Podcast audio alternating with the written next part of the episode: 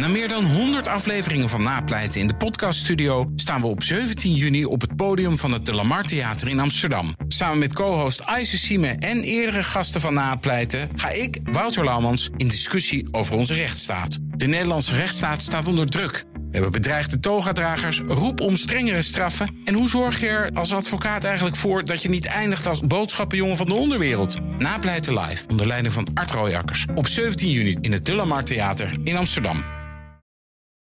Dit is een podcast van BNR Nieuwsradio. Welkom bij de Technoloog nummer 138. Herbert, welkom. Hey Ben. We, gaan, uh, we hebben Marco, uh, Marco Corradin hebben we hier te gast. Marco, we gaan het hebben over de dark web. En daar zie ik al heel lang naar uit. Dus daar ben ik heel erg blij mee dat je er bent. Je bent van, um, even kijken, dat had ik hier opgeschreven. Je bent kennisexpert op dit gebied en je geeft lezingen over. Ja, klopt. Top. Ja. ja top. Oké, okay. en ik, heb je keer ik ben je tegengekomen. Toen had ik van, je moet een keer... En waar komt jouw belangstelling, jouw uh, kennis van het dark web vandaan? Uh, ja, ik zit eigenlijk al mijn hele leven in, uh, in de IT-wereld. Dus uh, van jongs af aan al. En ja, tegenwoordig noemen we dat ethical hacking. ik vond het vroeger gewoon leuk om dingen kapot te maken en weer te maken. En zo ben ik eigenlijk een beetje ingerold. En toen kwam Deep Web voorbij, Dark Web, Darknet, et cetera. We gaan zo lekker over de termen praten. Ja, we moeten de termen even goed helder nee. hebben. Maar, maar interesse in hoe dingen werken? ja, technische ja. dingen. Ja. ja. Kun je nog iets over dat kapot maken? Wat heb je kapot gemaakt dat je dacht van nee, dat is heel goed dat ik dat heb gedaan? Het begint meestal met wekkers. Ik, uh, ik een radio's van ik had een radio natuurlijk halen. Maar daarom hebben we ook zo laat afgesproken vandaag. Hè? nee, um, uh, ik merk dat ik daar wel iets in veranderd ben. Ik vind het nu leuk om naar dingen te kijken die uh, maatschappelijk impact hebben. Dus uh, denk ook aan de grote apps zoals uh, WhatsApp, maar ook Apple, giganten. kijken wat ze doen met onze gegevens vind ik belangrijk. Dus daar kijk ik naar. Uh, ik test ook applicaties. Ik wil gewoon weten wat gebeurt er op mijn telefoon. En soms kom ik dingen tegen die niet horen te gebeuren. En dan hoop ik dat dat, dat gefixt wordt. Nu wil ik gelijk al weten wat, maar heel kort even, want daarna gaan we echt over dark, deep. Even... Ik zou graag uh, wel wat willen delen, maar meestal teken je disclaimers. Uh, op het moment dat je iets vindt, een, uh, een, een, kwetsbaarheid, en je meldt dat, dan blijft dat tussen de partij en jezelf. Dus nou, dan, een, dan een oude case. En, nou, okay. Ik kan wel een ander voorbeeld ja, geven. Geef ja, even een ja, voorbeeld. Um, er was één partij, uh, die heb ik dat heb ik gemeld, maar uh, daar werd geen actie op ondernomen. Dus vandaar dat ik het mag delen. Um, daar zat een, uh, een kwetsbaarheid in. Dat was een social media platform. En het lukte mij om alle inboxen van alle gebruikers in te kunnen zien. Die eigenlijk privé horen te zijn. Ja. Dus dat soort dingen, daar kijk ik naar. Mooi. Mooi. Goed werk. Oké, okay, de, de dark web. Maar we moeten eerst de definities hebben. Je hebt de clear web, de deep web en de dark web. Zijn dat de drie? Moeten we die drie zijn? Hè? Uh, of is, nu al, is het alweer anders? Uh, tegenwoordig zijn er hele clouds met termen. Uh, de meeste die je, die je ziet is um, nou, clear web. Bijvoorbeeld clear web, clearnet. En dat is eigenlijk alles wat geïndexeerd is. En daarmee bedoel ik als je je browser opent en je, je gaat zoeken op Google of je gaat zoeken op Wikipedia, dan vind je content wat je zoekt. Dat is eigenlijk uh, ongeveer uh, 10% van het internet, daar kan je bij. Dat weet je te vinden. En dan heb je heel veel devices die aangesloten zijn op het internet. Ongeveer 90%, maar die zijn niet geïndexeerd. voorbeelden daarvan zijn bijvoorbeeld mijn LinkedIn profiel, publiek, is geïndexeerd. Dus dat hoort bij die 10%. In die 90% is mijn privé-inbox. Waar alle recruiters mij uh, proberen te, te recruiten. Uh, daar kan ik alleen bij. Dat is niet geïndexeerd. Dus als je zoekt op Google kun je niet zien hoeveel mensen uh, hun best doen om mij te recruiten. Ja, dan, zit, dan zit dat nog achter een wachtwoord. Maar je hebt natuurlijk ook dingen die. nou, zoals bijvoorbeeld de pagina's van Google zelf. De, de, de zoekresultaten dat, zijn, dat, dat is informatie die niet standaard op het web zijn, maar dat zijn pagina's die worden voor de gelegenheid gemaakt voor een of andere gebruiker. Is wel openbare informatie, maar die gedraagt zich anders dan bijvoorbeeld de inhoud van Wikipedia.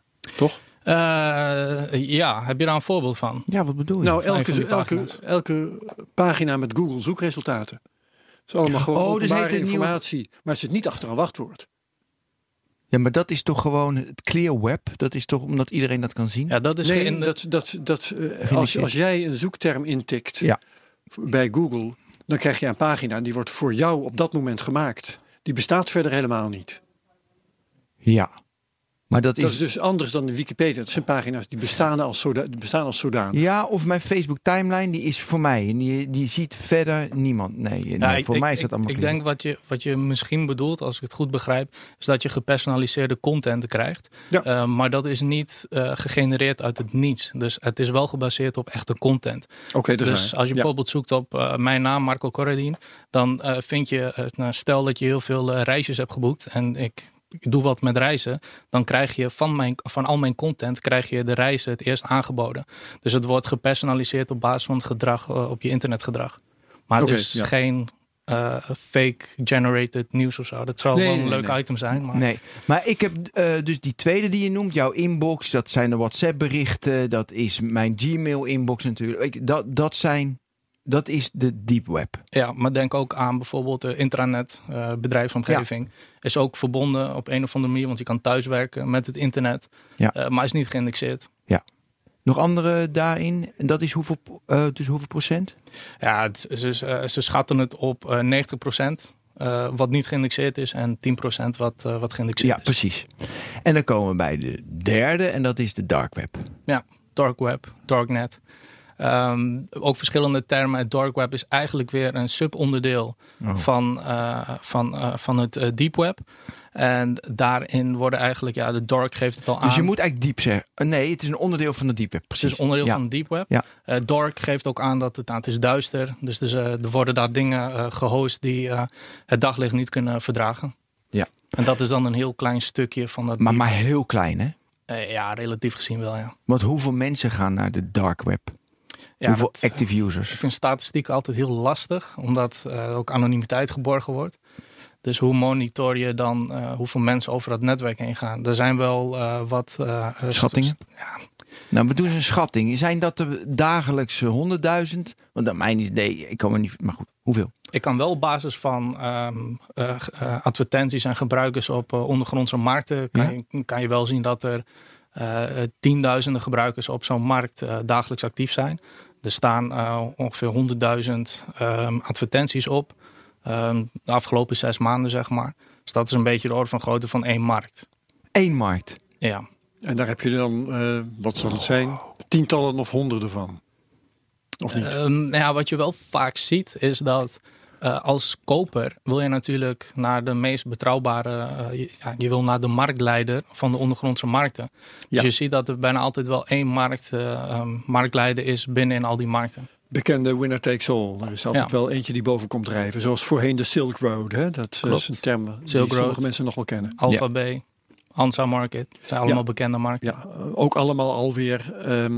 Opgerold. platgelegd. Ja. Ja. Ja. Eh, wat is op dit moment de marktleider van de illegale markten? Ja, politie eh, is ook weer eh, druk bezig geweest de afgelopen tijd. Afgelopen Ehm, dag. weer een nieuwe opge Ja, nee, opgestaan. het gaat, het gaat zo snel. Is zo'n leuke wereld. Ehm, ja, Nightmare is nu een, eh, is een markt. Ja. Eh, Dat mij eh, naam. voorheen ook niks. Er staan nu eh, 62.000 eh, artikelen over eh, eh, drugs eh, op. Ehm fraude gerelateerde services, tutorials, ehm, digitale producten. ehm, eigenlijk van alles en nog wat. Malware, software, hacking, eh Ja. hacking spul. Nightmare dus. En die is over een paar weken wordt die weer opgerold en dan komt er weer een andere. Ehm, wie weet. Maar ja, dan kom ik terug om daarover te vertellen. ja, inderdaad. Maar zijn het dan Maar hele... eh, Maar zijn het wel dezelfde types? Wat bedoel je met types? Nou, zijn het, dus eh, ik kan me voorstellen, zoals je eh, iedere zes weken een nieuwe winkel opent, als dat je concept is, weet je, dan gaat die weg, gaat die weg en weer een nieuw. Hebben we Nightmare en dan doen ze morgen Night Wait en dan noemen ze, ja, dan doen ze het nieuwe. Het zijn dezelfde Nightwatch. jongens en ze weten precies hoe ze dat heel snel kunnen pushen.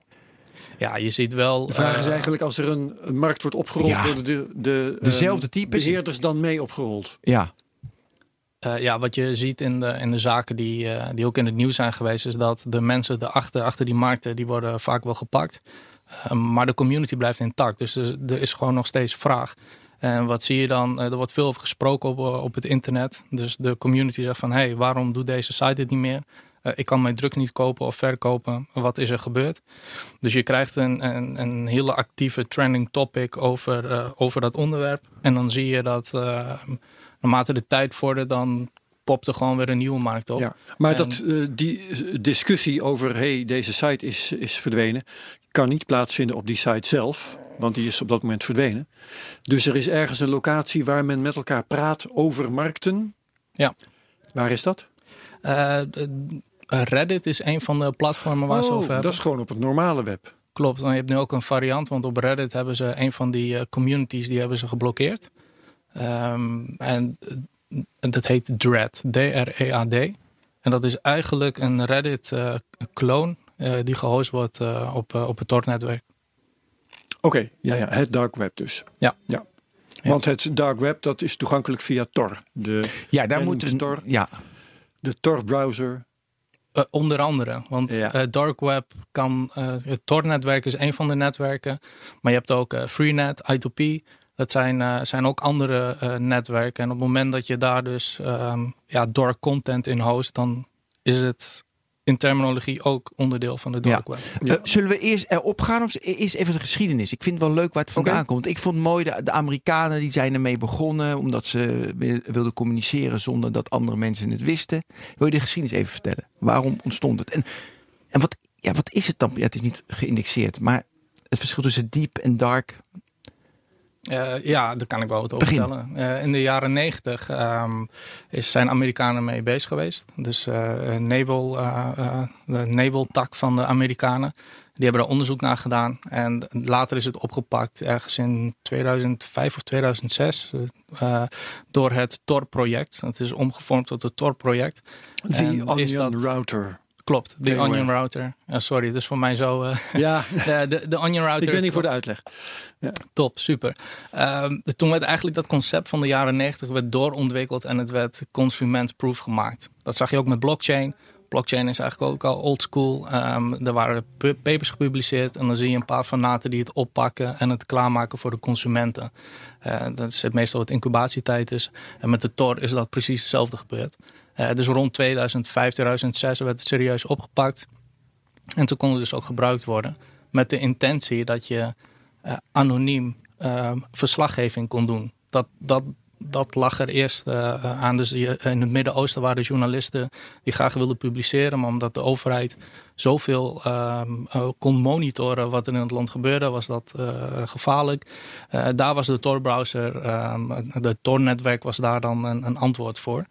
Eh, maar ja, als je anonimiteit hebt als karakteristiek, dan trekt het natuurlijk ook andere doelgroepen aan. Ja. En zo is het eigenlijk een beetje geëvalueerd naar, eh, naar het dark web. Ja. En hoe, hoe bereiken ze anonimiteit met de Tor-browser?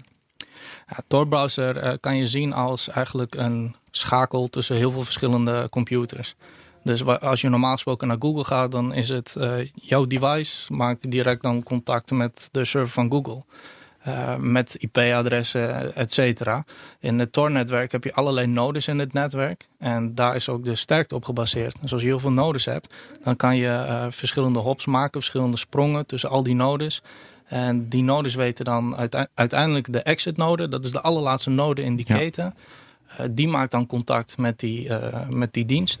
En dat wordt weer teruggekoppeld. Dus je krijgt een, ja, een hele reeks aan, aan verbindingen. Daarom werkt het ook wat langzamer, het eh, Tor-netwerk. Dus je moet wel En, wat, en eh, vandaar ook eh, die onion in de, de, de O van Tor. Want Klopt. het idee is dat eh, jouw reis over het internet in allerlei laagjes wordt verpakt. Ja. Die ook nog eens een keertje gecodeerd zijn. klopt, ja. Ja, en eh, daardoor dus anoniem. En je zou kunnen denken, als het wel snel zou zijn, weet je, alle data die Google en Facebook van je pakken. Weet je, zou je denken, hé, hey, dat moet eigenlijk ook via anderen, zodat ze het ook verpakken, zodat ze ook niet weten wie je bent. Dat is voor anonimiteit goed, criminaliteit niet eh, goed, maar dat is dus de, waar je mee zit. ja. Klopt, dat is het balans. Ja, dat is de balans. Ja, het is natuurlijk heel mooi omdat je eh, niet te veel zou willen als burger zijn dat je gegevens bij de giganten terechtkomen. Eh, dus zoals net met het voorbeeld met gepersonaliseerde eh, advertenties. Nou, stel dat ik dat niet wil, dan eh, moet ik goed mijn best doen om dat eh, te verhullen, zeg maar. En het Tor-netwerk eh, had voor ogen om dat dan standaard in te bakken. En overigens is het zo dat, dat je met de, die Tor-browser, je, je gaat dus van node naar node. Hè, en uiteindelijk kun je op die manier naar een adres op het gewone web, dus eh, Google bijvoorbeeld, of eh, maakt niet uit, Wikipedia. Maar we hebben het nu over dat dark web. En dat houdt in dat je dan niet naar een adres op een Mhm. normale web gaat. Maar dat er juist nog een apart web ook nog eens eh, gereserveerd is. Nou, het is Voor- toch hetzelfde web, maar niet geïndexeerd? Nee. Precies. Maar het is gewoon een webpagina. Ja, het is wel gewoon. eh, Het Ja. gaat wel om, gewoon om webpagina's. Maar je hebt. Je kunt met die eh Tor-browser. Kun je naar het gewone web. Ja, maar ook- Voordeel daarvan is dat eh, de site waar je naartoe gaat niet weet waar jij vandaan komt en dat jouw eigen internetprovider niet weet waar jij naartoe gaat. Maar je hebt ook, je kunt ook via dat, eh, die Tor-browser naar een eh, apart web met aparte adressen, hè, waar het woord onion ook altijd in zit. En daar geldt voor dat ook de makers van die websites moeilijker te traceren zijn. Ja, klopt. Am Dus je, ja, je hebt een stuk eh, afgeschermde, eh, geïsoleerd netwerk eigenlijk. Binnenin, nou, dat is het Tor-netwerk. Ja. Je kan vanuit het Tor-netwerk, want dat is eigenlijk de Tor-browser. De Tor-browser die zorgt ervoor dat je verbinding kan maken met dat netwerk. En als je eenmaal in dat netwerk zit, dan kan je kiezen of ik ga het Clear Web op, dus ik ga naar Google. Ja. Eh, of je kan kiezen, ik blijf in dat netwerk en ik ga eh, servers zoeken of eh, bepaalde diensten, dark web markets die zich binnen in dat netwerk bevinden. Oké, nou dan heb ik de Tor-browser heb ik gedownload. Ja, ik was gelijk. eh, Nou, ik ga nu gewoon naar nu.nl, geen advertenties stoppen. En ik heb geen. Dus mooi. Nee, maar de, de- het eerste wat je me vertelde toen, van vorige keer, dat je hem niet mag verschuiven. Dat vond ik gelijk al zo fascinerend. Wat gebeurt er als ik. Het scherm is voor de helft en ik mocht hem niet zeg maar, fullscreen maken? Wat gebeurt er dan? Eh, ja, je, mag het wel hoor. Maar, Ja, wel, maar het is niet verstandig. Het is levensgevaarlijk. Nee, eh, wat gebeurt is dat Je gaat ehm, dood. Als, als je een website bent en je bezoekt een website, dan laat je heel veel informatie achter. Dus een 9 van de 10 keer vertel je wat voor een eh, device je gebruikt. Dus eh, zit je op een mobiel. Eh, maar je geeft ook mee welke resolutie je- je scherm heeft. En dat kan veel vertellen over je. Dus je krijgt op een gegeven moment een soort fingerprint, een DNA van jouw gebruik. En dat kan heel erg uniek worden. Dus op het moment dat jij ehm, jouw browser niet in die standaard afmeting laat, dan kan je makkelijk gaan fingerprinten. ehm, nou, het, het is weer extra informatie. Ja, extra je informatie die je weggeeft. En Dan als ben je herkenbaar aan de instellingen van Ja. je computer. Dat is, eh, Eh, Toch? ja, als je de Tor-browser installeert en je gebruikt hem en hij opent, ga hem dan niet groter maken of kleiner maken. Laat hem gewoon op die, eh, op die standaarden staan. Oké, en wat doe je dan? Nou ja, als je naar dark web wil. Ik ben Ja, nog nooit wat op een dark web geweest. Ja, ik wil gewoon rondneuzen. Ik, gewoon, ik ben nieuwsgierig. Ik wil geen gore dingen zien. Dat vind ik, vind ik stom. Maar ik ben wel nieuwsgierig wat er verder is. Eh, nou, er zijn eh, veel gore dingen, dus ik denk dat je snel bent uitgekeken. Eh, er zijn wat minder gore dingen, althans wat je goor vindt. Maar als je bijvoorbeeld een darknet market wil zoeken, kijk, je start natuurlijk met een URL. Dat weten we allemaal. Je moet iets intikken Ja. in, die, in, in Wat- de adresbalk. Ja, en wat hoe je kom je daar nou? Ja. Nou, dat is stap 1. Je hebt hele tutorials eh, op het internet die je vertellen je eerste babystapjes eh, in de Ja. drugsdealer bijvoorbeeld. op, Want- op het Clear Web staat die informatie al. Hè? Klopt, ja. Dat Ja. stond dus vroeger op Reddit. En Ja. nu zie je een verschuiving dat het eh, meer richting eh, het Tor-netwerk weer wordt Hmm. gehost. Maar daar, staan dus, eh, daar staat eigenlijk een lijst met alle markten die, eh, die tot nu toe up and running zijn. Wat de status is. En waar je dan heen zou kunnen gaan. En daar zit dan een, een URL bij. Dus ik zoek dan in die, tour, eh, in die Tor-browser in DuckDuckGo. Dat is de default eh weet je, search. Zoek ik. Wat tik ik dan in?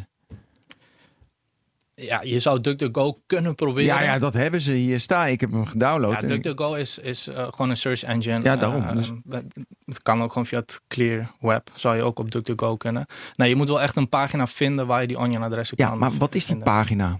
Nou, als je een beetje handig met DuckDuckGo bent. nou, op Dread staat hij. Ik, ik, kan hem, ik kan hem laten zien. Eh, ik, ja, het is een Nee, maar je kunt, toch, je adres. kunt toch gewoon ehm, op het normale web eh, een zoekopdracht doen bij Google van geef mij eh, addresses on the dark web. Ja, dat kan hè? Si- sites on the dark web. Als je dat in Google Ja, als je, als je googelt op Darknet Markets. vind je echt wel wat. Dan krijg je bijvoorbeeld darknetmarkets.org. Je krijgt het deeptopweb.com. Je krijgt verschillende websites eh, die vaak ook een marketlist aanbieden. En in Mhm. die marketlist staan dan de, de URL's. Dus, Ik vind het wel mooi hoe, je, hoe, je, hoe voorzichtig je bent. Dat vind ik, dat vind ik wel grappig, ja. Oké, mooi. Ja, dus je Maar gaat ja. naar darknetmarkets.org. Ja, bijvoorbeeld. En dan Ja. zie je hier rechts. eh, Zie je rechts, de zie je daar, eh, Market. Met hele, eh, hele ja, zie je onion Maar ik, ik kan het makkelijk maken. Als ik gewoon in, eh in eh, Startpage, de zoekmachine die ik gebruik, eh, privacy en zo. Ik ook, wel. startpage. Top. Ja, ehm, als ik daarin intyp ehm, Dark Web Search Engine, dan vind ik onder andere eh, heel snel al ehm, een pagina die heet, eh, de site heet thedarkweblinks.com. Mhm. En dan krijg ik Search Engine Dark Web Links. Dat zijn gewoon zoekmachines voor het dark web. En eh, die, eh, ik heb ze nou nog niet geprobeerd. Ik doe het gewoon as we speak. ja. Maar daar, eh, daar kun je dus, die kun je dus weer gebruiken om sites te vinden op dat dark web. Ja. Ja, het is niet een, een, een one-shop place eh, om alle URL's te krijgen. Je hebt bijvoorbeeld ook de Ja. Hidden Wiki. Daar, daar staat ook heel veel informatie op ja, van die had ik ook gezien. websites en diensten die worden aangeboden. Ja. marktplaatsen. Eh, maar ook hosting, bulletproof hosters. Dus, ehm, dat zijn eh, diensten waar je eigenlijk een server wil hosten, maar niet te veel gegevens wil achterlaten. Dus je wil daar ook zo anoniem mogelijk eh, blijven. Die staan ook in deze lijst. Mhm. Oké, ehm, en dan zitten we er, dan hebben we, dan wil je, en dan? Dus dan zitten we erop, haha. Dan kan je naar die markt plaatsen. Dan kan ja, ik, kan kun ik, je doop kopen. kan Ben. ik drugs kopen. Ja. Nou, ik zat wel te denken, EPO. Nee, ik, ik moest gelijk aan sport denken. Dus hoe, Ketonen. Oh nee, die zijn de nog zijn eigenlijk legaal, ja, keta- Ik dacht, nee, ik dacht gelijk van, eh, ja, toch? Ja, natuurlijk. Ja. Nee, want EPO is best wel handig, hè? Want dan voel je je toch beter, ook als gewoon als mens. Maar ook bijvoorbeeld, ehm, eh, hoe heet die? Er zijn wat van die medicamenten die. ehm, Zit je je, echt nu- illegaal- zit je nu gelijk EPO te zoeken? Ik zit te zoeken naar EPO. Ja. Mooi, we gaan gelijk EPO aanvullen live maar kopen. bijvoorbeeld eh, melatonine, wat iets is om eh, een soort slaapmiddel, eh, lichaams-eigen, om, om hoe heet dat, Eh, de effecten van jetlag tegen te gaan. Of ehm modafinil, dat is juist iets om wakker te blijven. Ja. Dat zijn medicamenten die kun je normaal alleen op recept krijgen.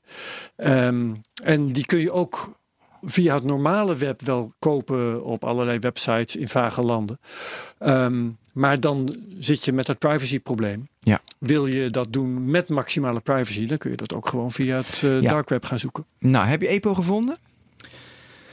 Ik vind wel een gram DPT hydrochloride. Wat is dat nou En weer? gaat hard schaatsen de komende tijd. Wow.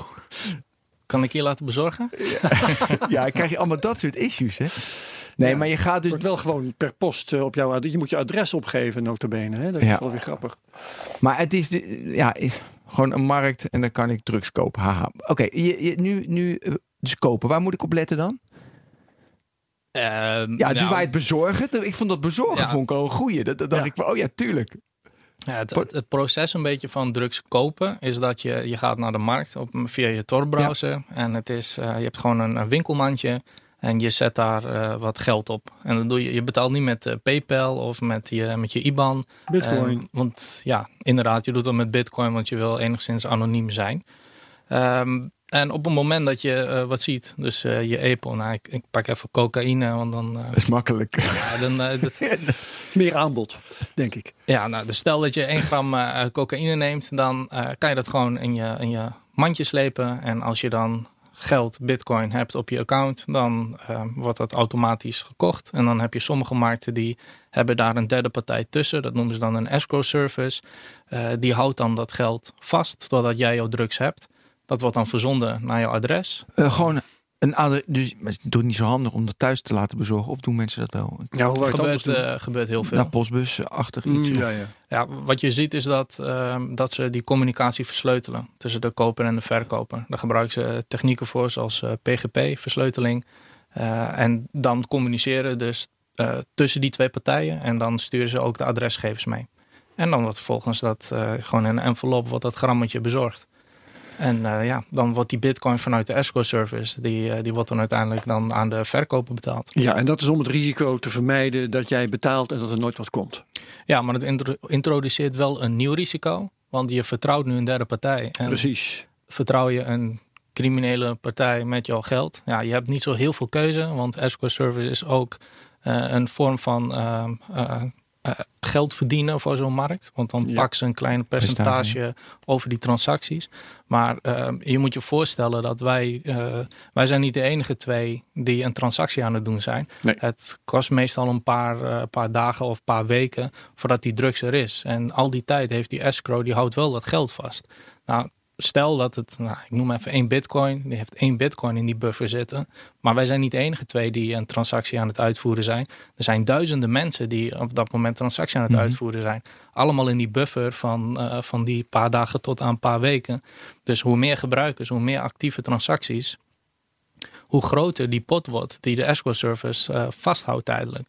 Ja, en op een gegeven moment dan kan ik me voorstellen dat je denkt van hé, hey, ik heb hier zoveel bitcoin, ik ben anoniem, niemand kan mij Als vinden. ik nu met de Noorderzon vertrek, dan eh, kan ik verder stil gaan leven. Het zijn criminelen, gaan ze aangifte doen? Ik Denk het ook niet. Nee. Eh, dus doei, ik ga er Ja, vandoor. ja, ja, ja, ja. Nou, zal ik hier eens een verhaal over Ja, vertellen? kom op. Want ehm, ik heb, eh, je, hoorde al wel dat ik me er vaker mee heb bezig gehouden. En ehm één geval kan ik je vertellen, dat was, ehm, nou ja, een jaar of, eh, wat zal het zijn, een jaar of vijf, zes geleden. Toen eh, was ik dat dark web een beetje aan het verkennen. Eh, ja, ik ben eh, technologiejournalist, hè, dus dat, dat doe je dan soms. En toen ontdekte ik min of meer toevallig dat daar plekken zijn waar vals geld wordt aangeboden. En eh, wordt ook vals geld aangeboden, met de, toen in elk geval met de pretentie dat het niet van echt te onderscheiden was. Toen dacht ik, nou, dat, dat wil ik wel weten. Daar wil ik wel meer van weten. Dus ja, er is maar één manier om daarachter te komen. Kopen. En dat is kopen. Dus ik eh overlegd met de boven mij gestelde personen. Ik zal er verder geen naam noemen. Maar in ieder geval, ik kreeg toestemming. En toen ben ik verder gaan kijken. Ik heb, bitcoins aangeschaft. En ik dacht van nou, alleen eh, toen dacht ik, ja, wacht eventjes. Ik kan nou gewoon gaan betalen. En hoe krijg ik dan, weet ik dan zeker dat ik mijn valse geld krijg? Eh, dus toen kwam ik erachter dat, zo, dat er zoiets bestond als escrow. Maar toen kwam ik precies in de rare loop van wie vertrouw ik precies, waar Marco nu, nu op duidt. Ja. Want ik dacht, ja, ik ver- vertrouw die website niet. Maar eh, die escrow, vertrouw ik die dan wel? Nou, verder zoeken. Dan blijkt dus dat zo'n escrow, die heeft reputatie. Dat wil zeggen, er zijn mensen die geven zo iemand een rapportcijfer bij wijze van spreken. En op een gegeven moment eh. Maar ja, dan ga je dus vertrouwen stellen in de mensen die die reputaties uitdelen. Dat valt ook te vervalsen. Dus ja, daar kom je als je niet echt dagelijks op de dark web vertoeft en, en precies weet wat je aan die en die hebt. Als je op, op nul begint, dan kom je daar niet uit. Zijn, Of niet, Marco? Ja, eens. Alleen de incentives zijn daar heel anders. Dus waarom zou je moeten overleven als escrow service? Kijk, een, een bank heeft hele andere motieven. Ja. Eh, dus die klapt er niet opeens zomaar uit, zeg maar. Maar een darknet market, op een gegeven moment als ze Ja. meer geld gaan verdienen aan, aan Een die bank buffer moet langer er mee zit. dan vandaag, bedoel je eigenlijk? En- Ja, ja, en zo'n darknet market niet. Want bij anoniem, ik zou gewoon volgende dag precies dezelfde markt weer eh, online Precies. kunnen gooien, maar dan in een ander jasje. Ja. Dat zou ook kunnen. Dus ja, het is gewoon een hele levendige omgeving, juist ook door die anonimiteit. En dan zie je dus hele gekke dingen gebeuren. Ja, maar ze moeten vertrouwen opbouwen. En dan kan je natuurlijk die. eh, nee, is die escrow service man. Die kan natuurlijk stoppen bij. Die moet vertrouwen opbouwen. Dus hij doet het eh, een jaar, kort en vaak. Hij doet een half jaar keurig, keurig. Denkt, nou, die gast is goed, die gast is goed. Vertrouwen, vertrouwen, vertrouwen. En dan denkt hij bij duizend bitcoins.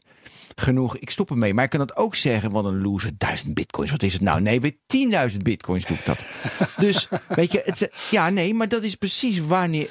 En die markt is voor mij heel erg. Weet je, ja, korte termijn, bij duizend zijn ze al tevreden. Die gaan dan niet, want dan worden ze te groot en is het moeilijker om dat vertrouwen te houden. Of, weet je, daar zit ook iets in. Dus hoe, vraag, hoe bouw je dat, hoe bouwen ze dat vertrouwen op? Ja, dat is een, eh, een hele goede vraag. Het is ook lastig te beantwoorden, omdat je uiteindelijk. Welke niet- elementen? Ja, je, je weet niet ehm, wat de incentives zijn uiteindelijk. We kijken bijvoorbeeld naar Alphabet. Dat was eh, een markt die echt super lang online was. Eh, ik denk dan, of ik zou gaan denken, dat ze genoeg verdienen. Ze hebben een of ander businessmodel. Eh, wat het niet loont om de stekker eruit te trekken en er vandoor te gaan met die bitcoins die in de escrow service zitten. Ja. Dus het moet wel lonen uiteindelijk voor eh, een crimineel. Voor mij is het heel ergens bij een normaal bedrijf, weet je, loopt het gewoon lekker door, zo'n escrow en het loopt lekker door. Je hebt geen ruzie met elkaar, je hoeft weinig eraan te doen. Joh, waarom laten we hem niet doorlopen? Als er machtspelletjes komen van, nee, maar nu moet ik eh, mijn, mijn tweede vrouw die eh, hier, eh, al- alimentatie, die moet een nieuw huis en boot. weet je, dan krijg je, nou, nu, vaak is het voor mij precies hetzelfde. Dat weet ik niet, want ik zit niet in die wereld. En Ja, en het is ook een race. Hè. Dus op een gegeven moment, als je greedy bent, dat is eigenlijk Ja. wat je zegt. Ik wil geen duizend, ik wil tienduizend, ik wil honderdduizend. En dan klap ik eruit. Ja, dat kost tijd. Maar Ja. de politie is ook gewoon lekker actief bezig. Ik wou zeggen, ja, je hebt, je, hebt eh, je eigen wens om er met de poet vandoor te gaan. Maar misschien een, een werkend verdienmodel eh, is natuurlijk ook heel lucratief. Misschien wel lucratiever dan er vandoor gaan. Maar er is ook nog het risico. er is een extra dat je element voortdurend bij. blootstelt, blo- blootstaat aan opsporing. Ja, en ik wil natuurlijk niet iedere crimineel eh, over één kam scheren. Er zijn natuurlijk, eh, dit is een Het zijn goede en financiële slechte prikkels. criminelen. Nee, ik bedoel eh, criminelen met andere incentives. Dus eh, bij Silk Road zagen we dat heel duidelijk. Dat, dat was veel meer een, een filosoof. Die had echt een bepaald idee erbij. En Ross Ulbricht. ja, precies. Ja. Ja. en, en nou, ik, dat vind ik... Ja, documentaire in de show notes is fantastisch. Bij, ja, op Netflix. Ja, vond ja, ik. Ja, ja, en dat is een heel ander verhaal dan als je ja, money-driven criminals hebt die alleen maar geld willen maken. Dan zie je ook andere handelingen gebeuren. Ja. Eigenlijk het interessante dat er een extra element bij komt. Als je normaal jouw marktplaats hebt, dan ja, je moet aan de wet voldoen, maar daar hoef je minder mee bezig. Maar je hebt nu een extra element. Allerlei risico's en, en ook mogelijkheden Dus die je dan met elkaar juist, dus nog uitdagender. Dus Ja, ja. nog spannender. Ja, precies. Het is echt een uitdaging, eh, Ja. Ben. Ja, en je had het net eh, even over hoe zorg je nou voor dat je dan veel gebruiks en zo kan krijgen. Eh, ja, dat wat- vertrouwen we- Ja. wekken. Een paar jaar geleden heb ik een eh, paper gepubliceerd waar ik onderzo- onderzoek deed naar eh Cordis.cc. Dat was dan een Duitse markt, wel op het clear web. Eh, maar die verkocht ook eh, nou ja, eh, artikelen die illegaal waren. En wat je daar zag is dat ze vertaling gingen maken van de analoge wereld naar de digitale wereld om vertrouwen te wekken. Dus je had een rechtbanksysteem op een forum met een onafhankelijke rechter, een derde partij, zeggen ze. En op het moment dat eh, ik drugs van jou koop, eh, maar het komt niet aan, dan kan ik jou aanmerken als ripper. En een ripper is de ondergrondse terminologie voor een scammer, een Ja, oplichter. ja, ik kijk films. Oké. Eh, en op dat moment. Je kunt een ehm, klacht indienen, zeg maar. Nee, kan ik jou gewoon naar de rechter slepen Ja. op dat forum. Nou, en dan heb jij 24 uur om jouw verhaal te doen en met bewijs te komen dat je inderdaad wel drugs hebt verzonden. En daar zag ik dus in mijn onderzoek dat mensen hun anonimiteit iets gingen opgeven. Dus die scanden dan bijvoorbeeld eh, het bonnetje in van dat ze bij de post eh, zijn geweest. Ehm, en er waren natuurlijk heel veel mensen die zeiden, ja, nee, dat ga ik gewoon niet doen. Maar het gevolg daarvan is, is dat als je eenmaal een ripper bent, gaat niemand meer zaken met je doen. Dus alles wat je hebt opgebouwd, Ja. met booking.com, als er nul reviews staan bij een hotel, dan boek je niet zo snel. Als er honderd positieve reviews staan of duizenden, dan ga je eerder boeken. Dus ehm, het is gewoon een business opzetten. Dus die reputatie is zo belangrijk voor ze. En sommige van hen die wilden dus ook een anonimiteit daarvoor opgeven. Om dan maar niet eh, uit business te gaan en aangemerkt worden als ripper. Ja, Ja. ja, ja. ja. En ze doen het nog meer. Ik vond dat voorbeeld voor jou zo leuk. eh, met niet alleen een plaatje, maar ook eh, met een tekening erbij. Of een handtekening. Of met, met een geschreven tekst. Ja, klopt. Dat is ook een trucje wat ze gebruiken om, eh, om te bewijzen dat ze, ja, dat ze te vertrouwen zijn. Ze willen natuurlijk anoniem blijven. Maar ja, hoe laat je dan zien dat je toch wel een soort identiteit bent en te vertrouwen bent? Want iedereen kan op Google Images een, eh, een 1 gram eh, cocaïne plaatje vinden en dat plaatsen en dan mensen proberen op te lichten. Dus wat je ziet is dat eh, mensen gaan proberen hun identiteit eh, op het eh, darknet wel anoniem te laten, maar wel eraan vast te koppelen. Eh, dus je ziet heel vaak eh, de producten. En om te bewijzen dat zij eh, fysiek beschikking hebben over dat product wat ze aanbieden, dan plaatsen ze daar een blaadje achter met iets eh, wat ze erop schrijven of uitprinten. En dat is dan vaak ehm, eh, hun nickname. Want dan, ja, dat lijkt wel redelijk echt. Ja. Ehm, dus op die manier proberen ze dan ehm, ja, vertrouwen te kweken voor de gebruikers. Maar dat schrijven is dan weer, dat kunnen ze, weet je, want dat, Handschrift. Ja, Ja. Je, je- want dat is je unieke handschrift. Eh, ja, ik weet niet of ik tips moet gaan geven als je beginnend crimineel bent. maar dat, is, dat vind ik ook weer zo mooi. Dat, dat Nou ja, het- ja, de, eh, schrijven kan geanalyseerd worden. Ja. Vroeger Ja. had je wel eens die krantenknipsels met Ja, ja, eh, dat je dat daarom ze dat, ja. daar- Ik zou zeggen, ja, ik je zie moet, je denken. Volgens Ja. mij ga je wat opzetten. Ja, ik ga het opzetten, ja. Ik, ik kom opeens op een idee. Dat eh, wil ik dan Oh. even met, met jullie delen, met iedereen. Misschien wel een goede tip. Misschien kunnen jullie het ook, ook ontzenuwen. Maar eh, stel je bent eh, handelaar in drugs en je hebt een, eh, een kat bijvoorbeeld. Dan zet je elke keer je, je kat erbij. Als een soort handtekening. En je kan toch ook een kattenplaatje van de internet plukken? Nou ja, er moet geval. Moet wel, ja, ja, ja. Nee, maar goed, als je, als je een. Kijk, van foto's is over het algemeen wel aan te tonen dat er niet mee geklungeld is. dat er niet meer geshopt is. Dus als jij een foto van je product online kunt zetten met je kat erbij, Marco, er een bepaalde wat, wat vind je ervan? overtuigingskracht van uitgaan, of niet? Ik heb veel varianten gezien. Een kat nog niet. Ik vind Nou, het zo grappig wat zijn. wij nu En aan het verzinnen zijn. Het slaat echt nergens op. Herbert en Ben gaan in de misdaad. Het is echt te bizar voor woorden waar we in beland zijn. Ik heb er hier nog nooit over... Ja. Ik wil het niet eens over Leg nadenken. uit, maar is het een goed idee? Ja, is het een goed idee. Ik moet echt oppassen wat ik hier tegen zeg. Nee, kijk, Oh. een trademark is altijd goed. het Branding is, goed is altijd goed. En Ja. dat werkt in de normale wereld en dat werkt ook gewoon daar. Dus Ja. ik heb ook wel eh, ehm, ja, trademarks gezien. Dus eh, bijvoorbeeld een Boeddha-beeld. Die had, had iemand ook in de nickname Boeddha verwerkt. En die had dus iedere keer daarna eh, een Boeddha-beeldje en daar dan de pillen eromheen gelegd. Want die persoon die bood dan de pillen aan. Het, het werkt wel. Kijk, Ik kan er niet over vertellen. Ik heb duizenden van dit soort dingen gezien. Maar dit blijft wel hangen bij mij. Ja. Ik, Ja. heb, ik heb het idee dat de gemeel, het IQ van een gemiddelde crimineel lager is dan... Ja, dat is misschien... Nee, maar als je echt slim bent als crimineel, dan kom je ermee weg. En als je... Ja. Meestal is het toch, weet je wel, een beetje onhandige mannen en vrouwen, maar meestal mannen. Ja. Maar eh, heb jij die... In, heb jij van, vind jij de dark web ingenieuzer, slimmer? eh, Lopen ze voor zoals de gamingwereld jarenlang voorliep op het clear web? Of heb je van, nou is het een beetje hetzelfde? Ja, wat ik merk is dat er, eh, nou, ik wil niet zeggen laag IQ, eh, je krijgt een shift. Kijk, op het moment dat het Tor Project begon, wil ze dus consument-proof maken.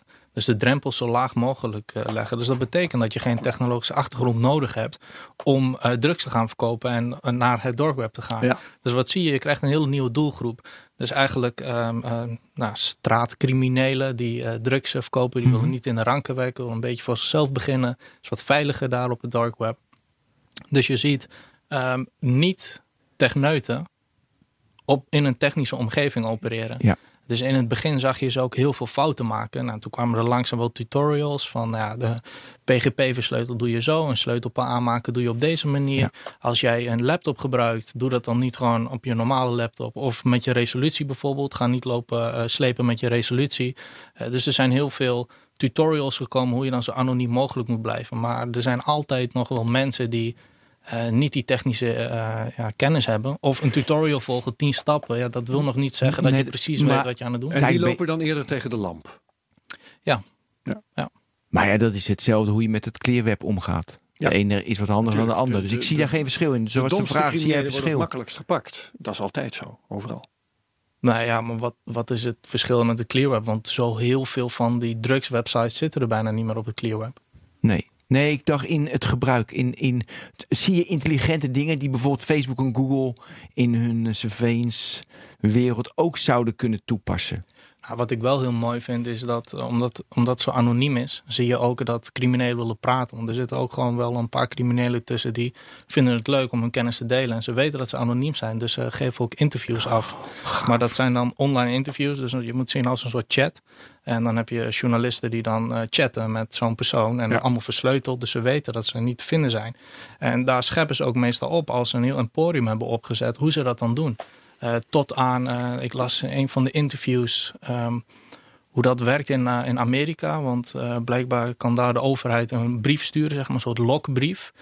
met, met drugs. En dan, dan kreeg hij het nooit terug of zoiets was het verhaal. En dan wist hij van oké, de overheid die weet wat ik aan het doen ben. Ik ga nu weer shiften. En ik ga even zorgen dat ik eh, buiten schot kom. En die kennis die deelt hij dan ook met anderen.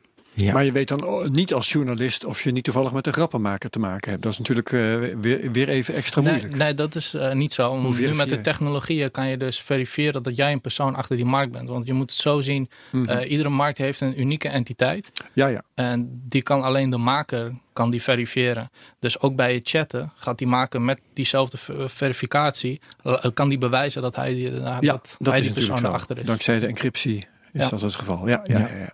Ja. Vind ik wel mooi, want dan krijg je dus wel eh, tips of slimme handigheden. Want ja, bijvoorbeeld met die Tor-browser had ik helemaal niet aan gedacht. Weet je wel? Dat je dan je resolutie... Dan denk je, oh ja, tuurlijk, slim.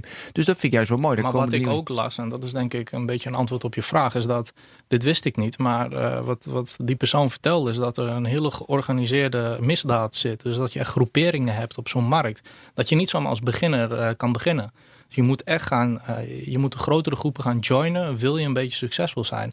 Dat heb, daar had ik totaal geen idee van. Ik dacht, nou, every man for himself. Je kan gewoon een shop beginnen en je kan verkopen. Ja, er staat ook in Freakonomics, weet je, iedere uh, weet je, gangsterstructuur heeft dezelfde structuur als een grote corporate. En dat zal met dit ook zijn. Dat is een beetje hoe wij mensen uiteindelijk gaan worden. Functioneren, ja. ja. Um, moeten we, we, we, hebben het heel erg over drugs gehad. En uh, ik, ik had een paar mensen gevraagd in mijn omgeving. Wat is nou de vraag? En ze hadden heel van wat, wat zie je er allemaal op? Dat heb, heb ik zelf ook. Hè. Wat, wat vind je? Want voor mij is free speech. Dacht ik van hé, hey, ja, mooi. Maar ja, dat kan Klokkenluiders. Klokkenluiders. Dus dat zijn de Gedicht heb jij gevonden, Herbert? Ja, ik vond gedichten. Poëzie. Ja, bizar. Dat zou gewoon... Want waarom zou je met je poëzie niet gewoon op het normale web gaan zitten? Nou, ik weet helemaal niet wat erin stond. Dat weet ik ook niet meer. Maar ik vond poëzie. Als natuurlijk, uh, het is niet echt uh, blijven hangen als geweldige poëzie, maar het was in elk geval poëzie. Als het haatdragend of aanzetten tot geweld is, dan, dan kan je ook weer. Uh, dus kan je, kun je ons daar wat licht op laten, laten schijnen? Kun je daar wat licht op schijnen? Uh, ja, dus drugs hebben we net even over gehad. Um, paspoortscans worden ook uh, veel aangeboden. Templates daarvoor. Wat je ook uh, hebt is um, cybercrime related. Dus dan moet je denken aan malware, maar ook gerichte aanvallen. gerichte aanvallen. Crime as a service noemen ze dat dan. Dan kan je eigenlijk gewoon zeggen, nou ik wil 100 PC's tot mijn beschikking, omdat ik mail wil sturen of zo, phishing mail.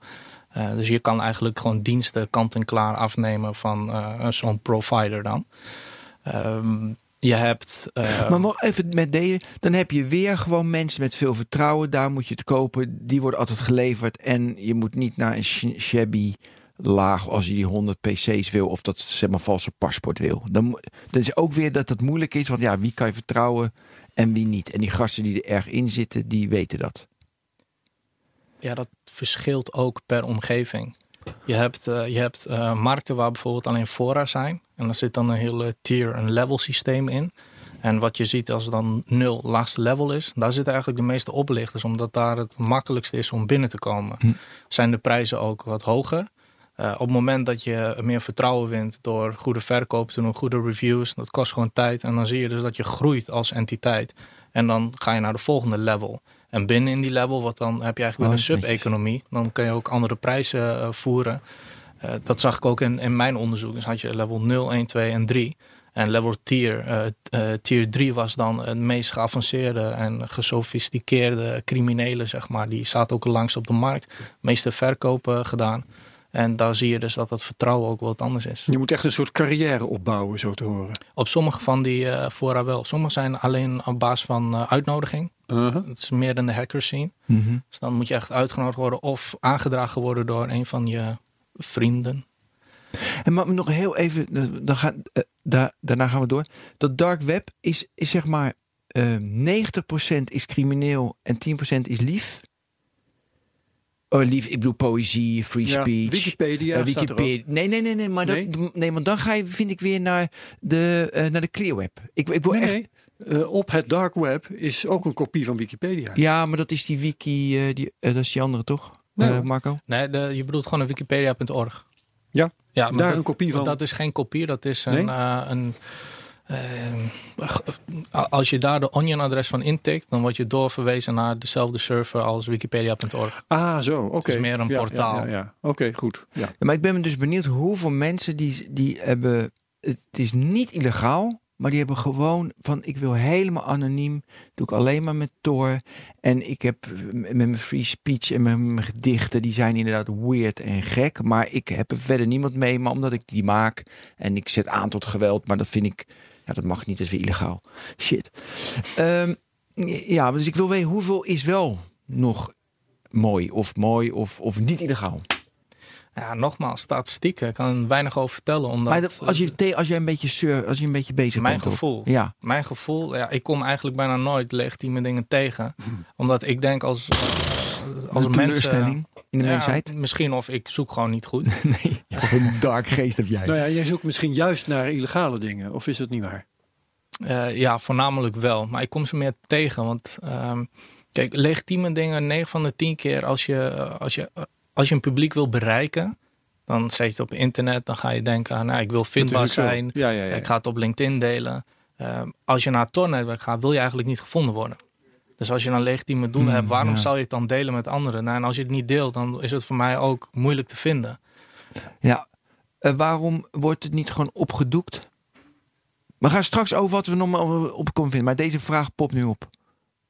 Ja, ik denk dat dat wel een discussie waardig is. Ik ben geen voorstander van technologieën killen.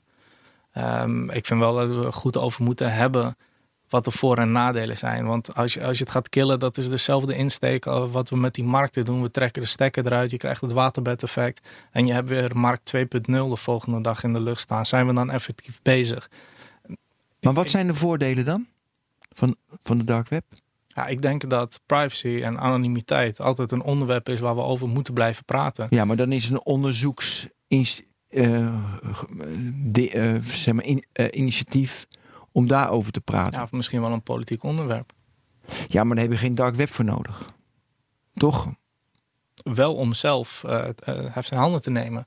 Van ik kies er nu voor om onder de radar te gaan. Ik deel eh, eh, gewoon niet meer mijn gegevens. Dus jij zegt als mens moet je altijd onder de radar kunnen gaan. Zoals je ook offline in het bos moet Ja, kunnen dit- lopen terwijl ja, niemand dat weet. Dit is de discussie eh, over. Wij hebben hier een, een vrije samenleving. We hoeven nergens bang voor te zijn. Dus gaan we langzamerhand denken dat die anonimiteit toch maar overdreven is. En leidt alleen maar tot ellende en tot criminaliteit. Maar er zijn landen waar de regimes minder netjes zijn dan waar wij wonen. Dus is het een groot goed dat die anonimiteit er toch kan zijn dankzij de technologie. En moeten wij daar niet, daar niet aan gaan morrelen? Ik ga overtuigd worden. Want ik vind dat mensen het recht moeten hebben inderdaad alleen in het bos te lopen. Geen bereik. Niemand weet dat je daar loopt. Nee, nee niemand weet waar je loopt. Ja, als en dan jij, moet op als het web kunnen, ja. dat je recht hebt op anonimiteit, Ja. dan Ja. denk ik dat je En dan moet de dark web te zijn. Dat is een van de manieren hoe je anoniem kan, eh, kan zijn. Ja, heb je er één? Want dan denk ik gelijk, wat is twee dan? Je kan ook naar het bos. en Ja, oké. Oh, nee, maar ik, maar ik bedoel, eh, ik, eh, ik doe on- online. Oké, weer naar de dark side. Eh, Oké, we hadden die op, op commando kan je dus 100 van die computers bestellen. En die, toch? Malware. En, Ja, je kan DDoS aanvallen, kan je, kan je inhuren voor een bepaalde periode. Dus stel dat je een eh, gameserver of zo wil platgooien, eh, dan, eh, dan zeg je... Nou, je concurrent. Er, er stond een keer een notabene op, eh, op, het, op het normale YouTube. stond een commercial van. eh, bij ons moet je wezen als je je concurrent wilt uitschakelen. Dat, die is natuurlijk al lang weg. Maar die heb ik nog eens een keertje in volle glorie bekeken. Dat Ja. iemand op zo'n manier voor zijn eigen crime as a service reclame maakte. Ja, heel veel. Dat gebeurt heel veel. En het is eigenlijk best wel normaal al op het, op het dark web. Ik kwam laatst ook weer iets tegen, misschien ook wel leuk om te delen. Dat, was, eh, dat is voor mij dan weer nieuw.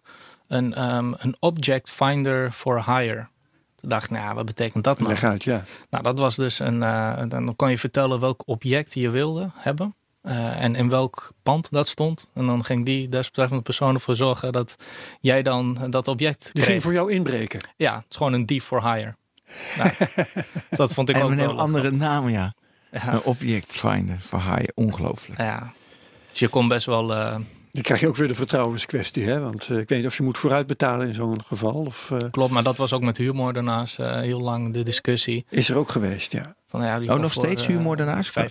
15.000 dollar kon je een, een hit uitbrengen. Ja, werd dat dan wel echt gebeurd? Eh, gebeurde dat of gebeurde dat niet? Nou, er zijn hele discussies over geweest. En? Geen idee. Oh. Nou ja, als, je, als het je schoonmoeder is, dan kun je, daar wel, eh, kun je dat wel controleren. Ja, En een beetje crimineel, denk ik 15.000. Schoonmoeder direct doen. Ja, geen het geld. is al wel het Geen derde verontrustende idee wat je, wat je Ja, ja. Oh, Ik, ik blijk daar goed in te Het, zijn. ja. het is wel een mooie keer om hierover te praten. Want je komt op andere dark gedachten. Waar, wat normaal... Verontrustend, hè? Ja. Ik heb dit geparkeerd in mijn leven. Maar nu komt het allemaal naar boven. En jij ook volgens mij. Hè? Ja, Eh, hebben we nog het meer zijn hele... eh, verontrustende talenten. Hebben we ook nog hele, eh, ja, die zijn er, dus daarom moet ik het toch noemen, de, de, de bizarre, goor. Ik hoef niet te ver gaan, want dan word ik helemaal misselijk. Maar ik wil wel even van waar de menselijke geest toe in staat is. En dat weten we, want soms zijn er gore films en dat weten we allemaal. Maar het even dat, dat je denkt van, hè? Dat je die afschuw uit kan spreken. Nou, ik dan.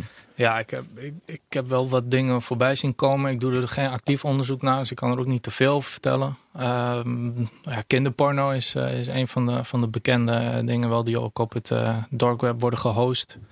Ehm, en leuk, even een zijstapje. Wat, wat je daar ook ziet, is dat hackers. ehm, er is wel een soort van ja, code of ethics Oh, eh, onder de criminelen. Ja, Moraalridders onder de. Ja, zelfs in de gevangenis hebt eh, echt de, de Ja. lowest rank zijn de, de, de child molesters. En Ja. dat heb je dus ook wel op het dark web. Dus je ziet hackers, eh, pedofielen ehm, en mensen die kinderporno hosten, daar zie je ze actief aanvallen. En op het moment dat ze daar doorheen komen, dan worden ook de gegevens in de database, et cetera, die lekken ze dan ook. En, en het liefste met voor- en achternaam en adres. Dus dat Gewoon naar de politie ook.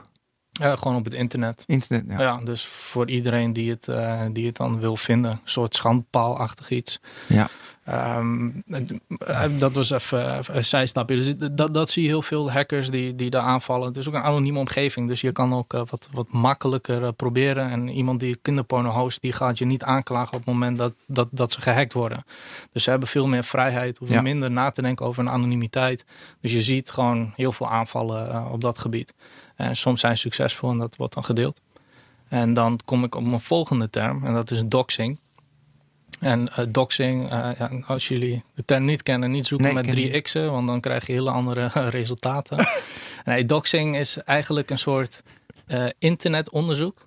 En Ja. je moet het zo zien dat, nou, stel dat ik gedoxt word, dan wordt mijn naam Marco Corradin wordt dan ergens geplaatst. Dus stel dat ik, ik veel, een escort service runnen of zo en ik ga er vandoor en ze willen Marco Corradin vinden, dan eh, zijn er heel veel mensen die daar de dupe van zijn geworden. Dus die hebben een motive om te helpen aan het internetonderzoek.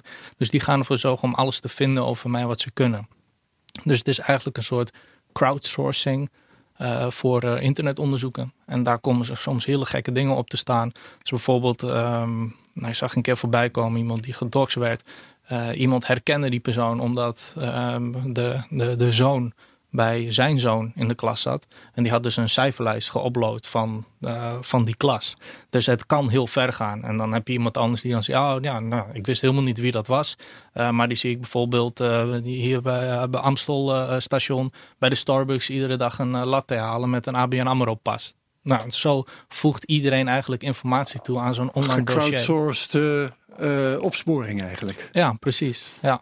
En of het goed is, daar kunnen we over discussiëren. Ja. Want je geeft eigenlijk de macht aan de burger. Ja, en Waar het gebeurt. er zal altijd wel iemand tussen die denkt van... oké, nu heb ik genoeg informatie, ik ga ingrijpen. Kijk, en daar wordt het dan ook gevaarlijk. Eh, dus de doxing is wel een fenomeen wat... ehm, Meer in de criminele circuit? Of? het gebeurt ook eh, in, in, ja, in, in de legitieme Ja. circuit. Dus bijvoorbeeld als eh, documenten eh, van zaken ehm, eh, lekken, bijvoorbeeld. Een bepaalde eh regisseur die ergens op heeft, of een officier van justitie. Ehm, zo was er bijvoorbeeld een e-mail provider eh, die anoniem diensten wilde aanbieden. En daar gaan natuurlijk heel veel criminelen op af. Maar dat, dit was echt een filosoof. Dus hij was super transparant en zette alles op zijn website. En toen kwamen de Duitsers bij hem in een van zijn serverparken en hij had alles geëncrypt. En hij zei ook op zijn website van, eh, nou ja, fuck it. Niemand kan wat krijgen. I don't give a shit. Ehm, jullie bekijken het maar, want je gaat je mail nooit terugkrijgen. Je wachtwoorden die zijn allemaal weg. Dus we moeten alles weer opnieuw gaan oppakken. Maar ik ben open. Dus hij heeft ehm, het bevel van de officier van justitie heeft hij gescand. En die heeft hij op zijn website gezet. Nou, daar staat dus gewoon de voor- en achternaam van de officier van justitie van Duitsland in. Nou, en dat zijn van die dingen. En dan heb je een hele eh, criminele eh, doelgroep daaronder zitten. Nou, wat is de kans dat iemand daartussen die zegt van... Ah, ik ga eens even kijken wat ik allemaal kan vinden Ja, over deze ja. persoon. Ja, ja, ja, ja. Nou, en daar wordt het gevaarlijk. Dus we, en dat is ook altijd wel een boodschap die ik graag wil meegeven. Weet je, technologie verandert, heeft echt een hele grote impact. Maar ik vind ook dat wij eh, als burgers of als overheidsinstellingen eh, goed moeten nadenken over onze eigen veiligheid. Want het crosst allemaal over. En ook wat we allemaal op Facebook zetten, op Instagram, wat we met onze betaalmiddelen allemaal doen. Ja, wij gebruiken het, we hebben de beste intenties. Maar zoals je net al zegt, van, er komen nu allemaal gekke dingen in mijn Nou, hoofd. Omdat je me triggert. Want nu heb ik al, weet je, ehm, en ik denk dat Herbert en ik iets bewuster zijn van wat er gebeurt. Maar nu ik hier- dit hoor, weet je, nu komen er allemaal, allemaal, eh, allemaal nieuwe dingen. En je probeert te zoeken wat er gebeurt. Heel veel weet je niet. Dus heb je nu nog meer dingen die wij denken, helemaal niet over, helemaal niet over nagedacht. Instagram, Facebook mag je ook noemen, of, of Google, je mag ook de Clear Web nu noemen. Ja, wa- waarschijnlijk wel. Ik denk dat we, dat we daar zo meteen nog wel even over gaan hebben. Eh, vind je het goed als ik weer terug ga naar je vraag, naar wat er nog Ja, meer op het eh deep Ja. web is? Ja, maar ik vond het zo mooi de hele tijd de spanning wat er nog meer op het diepweb is. En dan hebben we iets tussendoor en dan maar goed, doe maar, eh, doe maar eerst wat. Wat jij wil. Als- je Ja, wil ik vond dat heet het een beetje terugkerend. Dan heb je heet het van, oh, maar straks krijgen we nog Kitty Crushen. En, dan, en, dan- en dan, dat is een cliffhanger. Ja, dit is zo opgebouwd, jongens. Later in deze technoloog. Dus doe eerst even waar ik me niet van bewust ben op het clearweb. Dat, dat ik denk van, dat is echt stom van me. Vijf jaar geleden, weet je, ik vond Google helemaal top. Dus Herbert heeft me geleerd startpage.com. Dus die fase heb ik al gehad. Maar ik blijf een naïef Fransje in heel veel dingen. Ja, maar het is meer mijn persoonlijke angst of zorg is dat eh, over de afgelopen jaren hoeveel informatie wij delen en hoeveel data er beschikbaar is gekomen. En dat doen wij ook gewoon zelf. Dus ja, een smartphone is gewoon niet meer weg te denken. Dus Ja. we kennen het allemaal. We laten zoveel informatie achter. We gaan de gesprekken wel aan, maar we zien nog niet zozeer de consequenties en de mogelijkheden. En er gaat een dag komen waar het wel gaat gebeuren. Wat je nu met Libra ziet en Facebook. Eh, Facebook wat gewoon uitspreekt om langzaam een overheidsinstantie te worden. We hebben China natuurlijk met eh privacy standaarden. Uiteindelijk, de data is er. Wanneer gaan we het dan op een andere manier gebruiken of misbruiken? En wat vinden we dan nog belangrijk als maatschappij? Dus een hele concrete, als er een app is en die vraagt je hele camerarol, weet je, en, en, en die, en die zet ze erg, ergens op een Russische server, Face-app, weet je, dat is niet zo handig om daar toestemming voor te geven. En dat mensen daarvan bewust worden. Nou, het is een stap verder voor mij al. Ik, ik zal me niet eens meer eh, anoniem voelen op het moment dat ik geen telefoon bij me heb, helemaal niks. En ik zit ergens in de middle of nowhere in een bos, ergens in Letland of zo. Dan weet ik nog steeds dat ik getracked kan worden. En dat kan zelfs nog met eh, predictive modeling. Dus dat je voorspelt op basis van alle Ja. data die ze ooit verzameld hebben. Die Marco, die gaat naar Letland. Die, is, die is helemaal zat. Die gooit zijn telefoon nu in de kast en die gaat lekker naar Letland. Dat adres, die coördinaten. Daar moet hij nou zijn. Dat hij, dat hij helemaal offline is. Ja, wat mooi, dan moet hij daar zijn. Dus we gaan langzaam naar een, naar een omgeving waar je geen keus meer hebt om off the grid te zijn. Ja. En dat vind ik ergens wel beangstigend. Ja, En daarom is, en daarom is Tor belangrijk, dus dat we wel anoniem kunnen zijn. Nou, dat is een mooie. Oké, zullen we naar eh, Kitty Crusher gaan? lijkt me leuk. Maar zo leuk is het niet. Nee, daarom. Nee, maar dit zijn overgangen, jongens. Dit, toen je me dit... Ik werd echt misselijk. Letterlijk misselijk in mijn keel. Dus doe heel kort en heel erg neutraal. Eh, het is een van de dingen die ik eh, voorbij zag komen. Dat zijn ehm, eh, Aziatische eh, vrouwen die eh, pasgeboren katjes het, eh, het leven eruit wurgen. En dat doen ze dan eh, voor een webcam. En daar eh, kan je naar kijken en eh, voor betalen. Hoe kom je daar in Jezus naam op? Ja, dat kun je ook niet beantwoorden natuurlijk. Ik weet niet wat verontrustender is. De, de vraag of het aanbod. Ja, Mhm. precies. Inderdaad. Ja. Trouwens, ehm, dan wil ik, eh, nu we het hier toch over hebben, een waarschuwend woord eh, spreken aan mensen die, eh, laat ik zeggen, uit nieuwsgierigheid dit zouden kunnen gaan opzoeken. Hè? Ehm, want een jaar of vijftien, denk ik, geleden, het begin van deze eeuw, toen had ik eens in de krant gelezen dat er zoiets was als snuff movies. En dat zijn dus, eh, ik weet niet of, of die term nu nog bestaat, ik denk het wel. Ik zie je ook eigenlijk al knikken, Marco. Ja, ik kom uit de jaren negentig. Er was een film van, Ja. eh, hoe heet die knakken? Faces of Death heette dat. Ja, met die snuff movie. eh, Ja. ja. Maar goed, eh, ik weet niet of we het over precies hetzelfde hebben. In ieder geval, ik was toen al journalist. Eh, en eh, was redelijk handig met internet voor die tijd. En ik dacht van, nou ja, ik moet toch weten wat dat is, weet je wel. Dus ik ben het gaan zoeken en ik, ik vond iets. En ik heb dingen zitten bekijken. En ik wil mensen eigenlijk waarschuwen. eh, je krijgt dat niet meer van je netvlies af. Nee, we moeten gewoon niet doen. Dus ehm, Gewoon, bedwing dat- die nieuwsgierigheid. Ja, dat is, dat is the way off. Ja. Het is gewoon, kijk, en je, je maakt ook dan, eh, dus je maakt littekens in je ziel. En dat moet, Zoiets. ja, dat moet je niet willen. Ja, maar nieuwsgierigheid stopt op een gegeven moment wel. Ik moet wel zeggen, het is wel, je moet er echt naar op zoek. Je moet je best doen om het te vinden. Dat gelukkig wel, ja. Dus ja. er, er moet ook een soort eh, incentive bij zitten. Nou, bij mij is het dan voor research, of, eh, voor research doeleinden. Eh, maar bij mij zit er op een gegeven moment ook een stop op hoor. Want zoals Ja. u zegt, het blijft op je netvlies. Ik kan nu nog naar voren halen hoe, eh, welk beeld ik zag. En ik heb direct weggeklikt, maar die split second, dat blijft voor Exact, altijd eh, bij je. exact. En eh, dan, dan vind je het ook niet gek meer dat bijvoorbeeld bij Facebook of Ja, bij de moderators. politie dat er mensen zijn die dit beroepshalve doen hè, om te modereren, eh, dat die echt gewoon psychologische problemen krijgen. Klopt. Ja. Oké, moeten we nog meer van dat soort voorbeelden? Of dat hebben we nu on, uh, onderhand wel? Mm, ja, ja, Ja, wat, voor wat mij wel, betreft een hele nare dingen is het misschien wel Nee, maar niet naam, ook goed. Ja, zeker, zeker. Ja. Maar ook dat we de, de, de hele breedte wat er te vinden is, die hebben we nu, hè? Nou, misschien dan nog ehm, eh, organen, organenhandel en Hmm.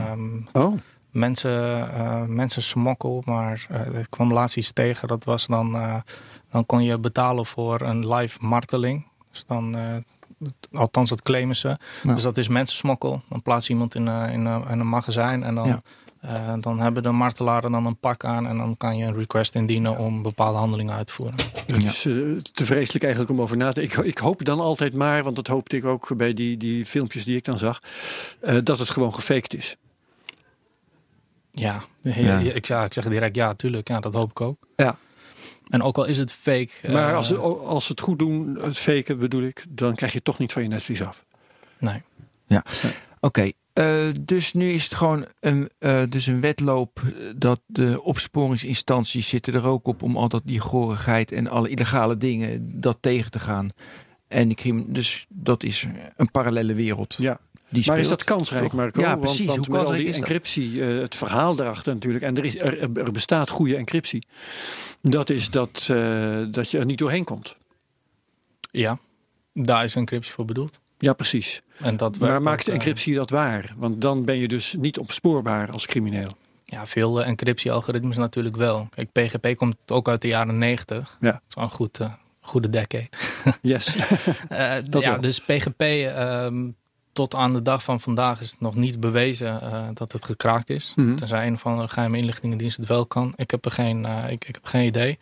Eh, maar je hebt ook technologieën die minder zijn. Hashing-algoritmes bijvoorbeeld, MD5. Eh, je ziet dat nieuwe hardware komt eraan. Straks hebben we quant, quantum Quantum computing. computers wordt gezegd, ja. Dus wat we nu veilig achter is, over een paar jaar is het, is het peanuts, zeg maar. Dus er is niet one fits all forever. Dat, dat verandert ook continu. Maar ik moet zeggen dat PGP het echt heel lang eh, volhoudt. En we hebben natuurlijk wel nieuwsartikelen gezien waarin we dachten van PGP is eigenlijk helemaal niet zo veilig. Maar als je dan ook goed gaat kijken naar wat precies eh, aan de hand is, dan zie je dat eh, ze eigenlijk een huis aan het bouwen zijn op modder. Ja, dan is gewoon niet handig. Dan stort uiteindelijk je huis in elkaar. En dat huis is dan PGP. Dus als je PGP met de juiste eh, variabelen implementeert, dan eh, is het gewoon nog steeds wel veilig. En je ziet dus ook gewoon dat dit nog steeds standaard is in de criminele onderwereld. Ze communiceren allemaal nog met PGP.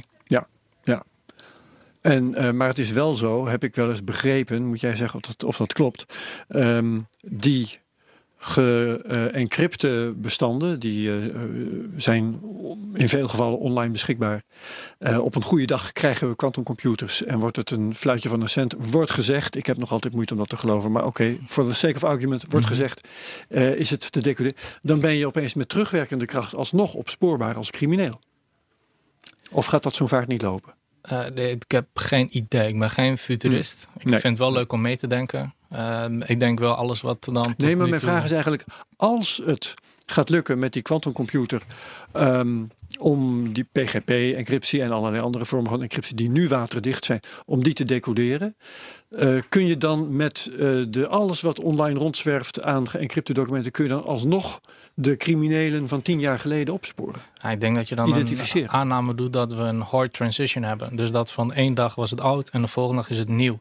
Ik denk dat het anders gaat lopen. Dus je krijgt een soort overgangsperiode. Mhm. Dus als er quantum computing beschikbaar komt, eh, het eerste wat ik zou doen is alles, alles wat ik had of wat ik geëncrypt had, dat ga ik nu met nieuwe encryptie-algoritmen binnen in Ja, quantum computing, Ja. ga ik dat weer overheen gooien. Dus daar kom je dan ook niet meer zo snel bij. Hmm. Het is maar net eh, hoe, hoe, wat is je respons op die nieuwe Ja. technologieën? Wacht je helemaal tot het eind? Ja, dan, en dan inderdaad op deze manier. Als je dan oude geëncrypte data hebt, dan zou je dat kunnen decrypten.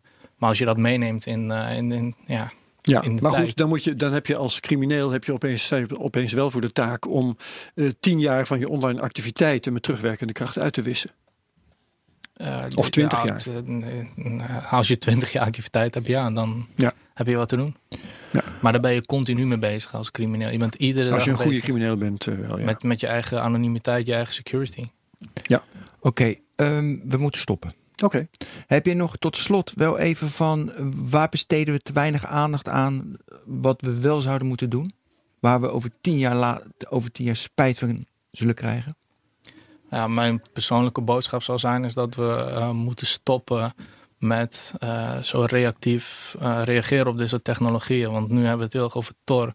Het is meer een fenomeen. Ik vind dat we adaptiever moeten zijn als maatschappij.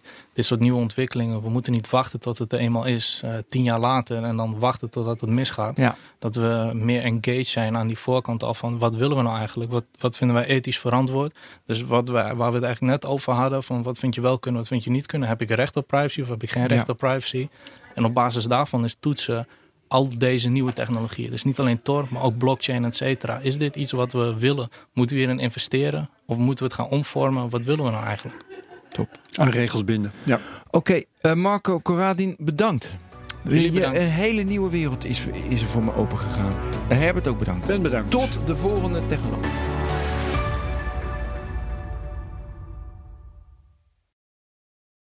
Ook Harm Edens vind je in de BNR-app. Je kunt BNR Duurzaam niet alleen live luisteren in de app, maar ook terugluisteren als podcast, zoals al onze podcasts. En naast dat de BNR-app Breaking News meldt, houden we je ook op de hoogte van het laatste zakelijke nieuws. Download nu de gratis BNR-app en blijf scherp.